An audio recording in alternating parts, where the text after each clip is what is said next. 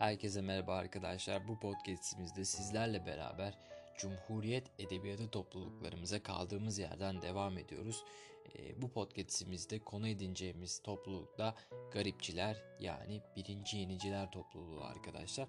E, edebiyatımızdaki şiir ihtilalcileridir bu topluluk isimleri. E, en önemli topluluklarımızdan biridir. E, bu noktada da e, üzerinde durulması gereken en önemli topluluklardan biridir kendileri. E, kimden bahsediyorum arkadaşlar? Kimlerden bahsediyorum daha doğrusu? E, Orhan Veli Kanık'tan bahsediyorum. Melih Cevdet Anday'dan bahsediyorum. Ve Oktay Rıfat Horozcu'dan bahsediyorum. Yani meşhur OMA arkadaşlar. Hani kirlenmek güzeldir vardır ya reklamı. Yani bunu yapmasam olmazdı çünkü başka türlü akılda kalmıyor. Meşhur OMO bu üç isimdir arkadaşlar.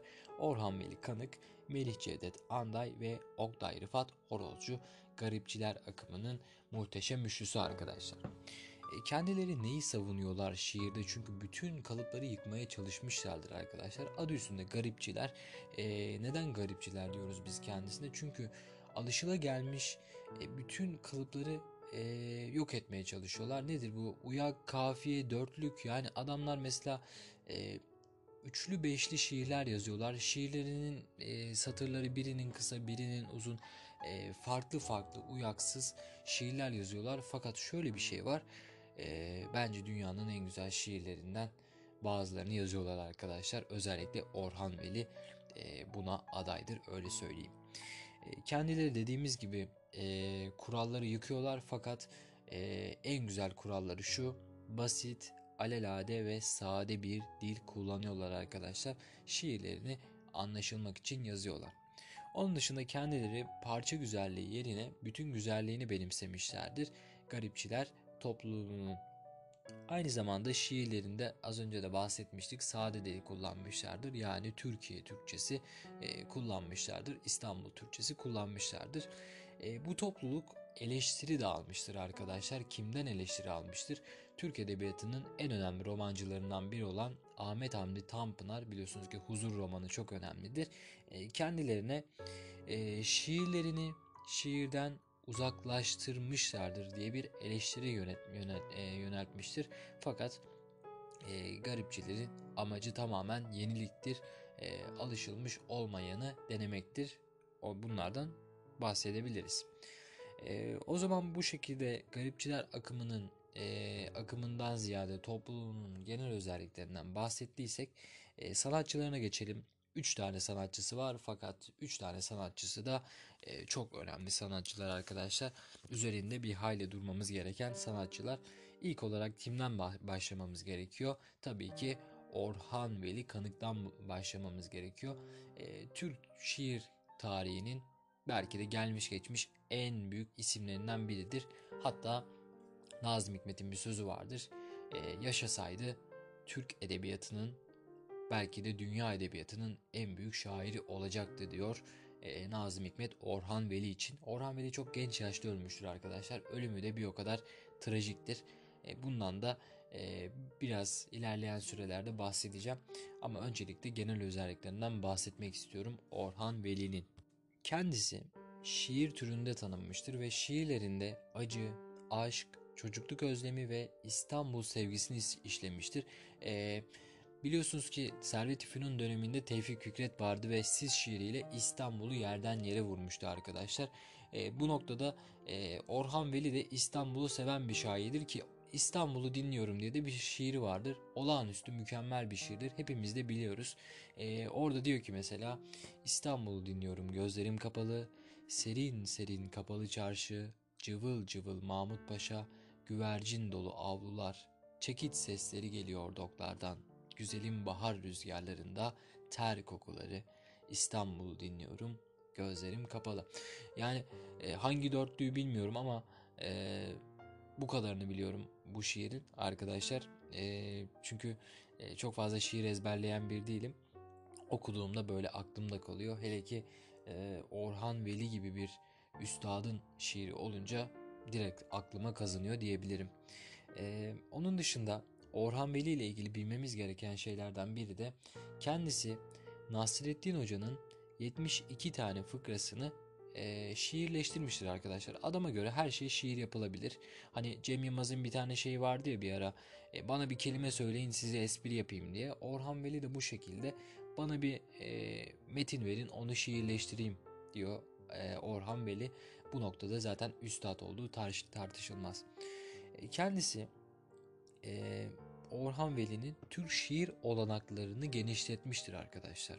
Yani bir şiir ihtilalcisidir bu adam. Zaten başlarda da söylemiştik. Adeta Türk şiirini e, yenileşmesi adına elini taşın altına koyan en büyük isimlerden biridir. Kendisinin mezarı e, Rumeli Hisarı'ndaki Aşiyan mezarlığındandır. E, bu da birazcık aslında ironiktir. Aşiyan mezarlığı deyince aklımıza kim geliyor? Aşiyan e, evi vardır. Aşiyan yalısı vardır arkadaşlar. E, kimindir? Tevfik Fikret'in evidir burası. Tevfik Fikret İstanbul'u hiç sevmiyor. Orhan Veli İstanbul'u çok seviyor. Orhan Veli Tevfik Fikret'in Aşiyan e, mezarlığındaki o e, mezarlıkta e, yatıyor arkadaşlar. Böyle bir ironi vardır. Onun dışında e, 1941'de Garip adlı şiir kitabının ön sözünde şiirle ilgili görüşlerini söylemiştir Orhan Veli arkadaşlar. Bunu da bilmemiz gerekiyor.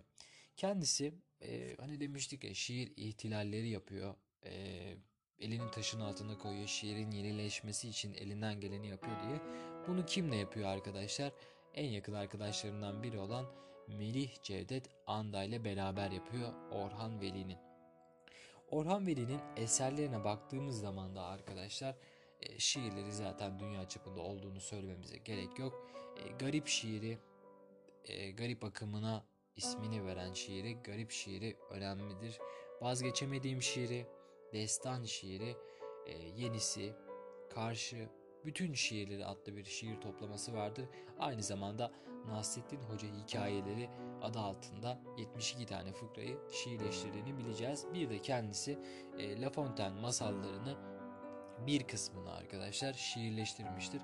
Bunu da bilmemiz gerekiyor. Onun dışında e, anlatamıyorum İstanbul dinliyorum şiirleri de çok önemlidir. Orhan Veli'nin.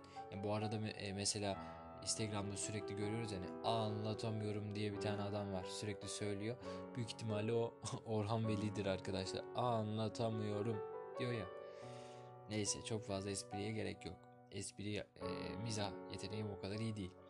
Neyse düz yazılar yazmıştır kendisi. Edebiyat dünyamız ve bindiğimiz dal düz yazıları yazmıştır Orhan Veli'nin.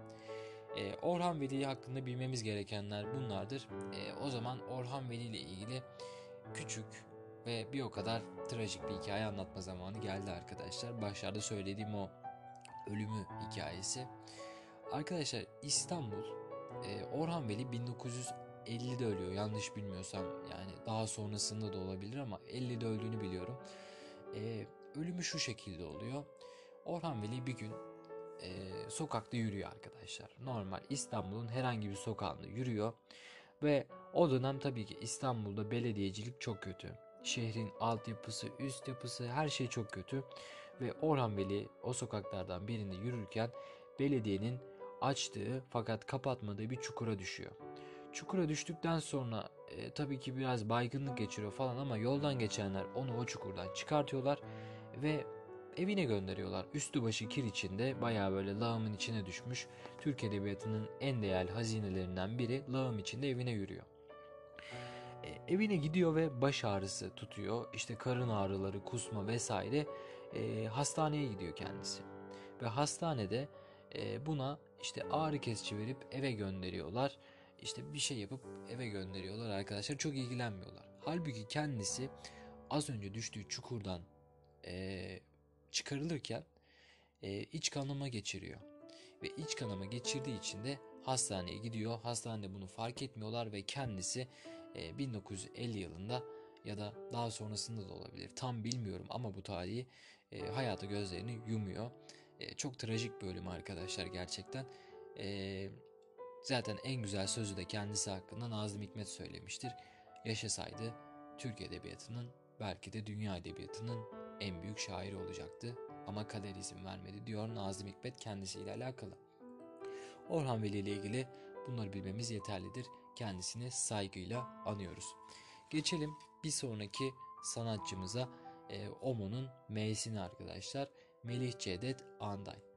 Melih Cevdet Anday sanatını sosyal temellere temellere dayandırmıştır arkadaşlar. Sosyalizm vurgusu vardır e, şiirlerinde. Aynı zamanda şiirlerinde akıl önemlidir. Akılcı şiirler yazmıştır ve Yunan mitolo- mitolojisinden yararlanmıştır Melih Cevdet Anday. Kendisinin eserlerine baktığımız zaman da ölümsüzlük ardında Gılgamış, rahatı kaçan ağaç, telgraf, name şiirlerini görüyoruz. Kendisi bir de roman yazmıştır. Romanlarında bilmemiz gerekenlerde 3 tane romanı vardır bilmemiz gereken. Gizli Emir, Meryem gibi İsa'nın güncesi. Aynı zamanda Melih Cevdet Anday gezi yazıları yazmıştır ve Azerbaycan, Özbekistan ve Sovyet Rusya gezilerini yazmıştır. Büyük ihtimalle o dönemde e, Kafkaslara geziler yapmış olmalı ki bu tür gezi yazılarını yazmıştır kendisi. E, bu şekilde Melih Cevdet Anda ile ilgili bilmemiz gerekenler de bunlardır arkadaşlar. Geçelim son ismimize Omo'nun O'suna. Kimden bahsediyorum? Oktay Rıfat Horozcu'dan bahsediyorum. Arkadaşlar Orha, e, Oktay Rıfat Horozcu deyince kendisi TDK'nin ilk başkanının oğludur ve bu noktada kendisi TDK'nin açtığı bir şiir yarışmasında edebiyat ödülü kazanmıştır. Acaba neden? ee, başkan da Sami e, Samih Rıfat'tır arkadaşlar. Bunu da bilmemiz gerekiyor. Onun dışında kendisi yaşama sevinci ve artı lirizm e, temalarını işlemiştir şiirlerinde. E, onun dışında kendisi arkadaşlar Perçemli Sokak'ta e, birinci yeniciye e, yöneldiği şiir vardır. Bu noktada biz zaten kendisini birinci yenici e, topluluğunda kabul ediyoruz. Eserlerine baktığımız zaman kendisinin şiirlerinde güzelleme, yaşayıp ölmek şiirleri e, önemlidir. Onun dışında kendisi roman yazmıştır arkadaşlar. Romanlarında da e, Danaburnu ve Bay Lear e, romanı önemlidir. Kendisinin Oktay Rıfat Oralcı'nın. Oktay Rıfat Oralcı ile ilgili bilmemiz gerekenler de bunlardır arkadaşlar. E, bu şekilde e, Garipçiler topluluğunu bitirmiş olduk. E, hepinize iyi çalışmalar diliyorum. Bir sonraki podcastimizde de arkadaşlar e, diğer topluluklardan kaldığımız yerden devam edeceğiz. Tekrardan iyi günler, iyi çalışmalar diliyorum hepinize.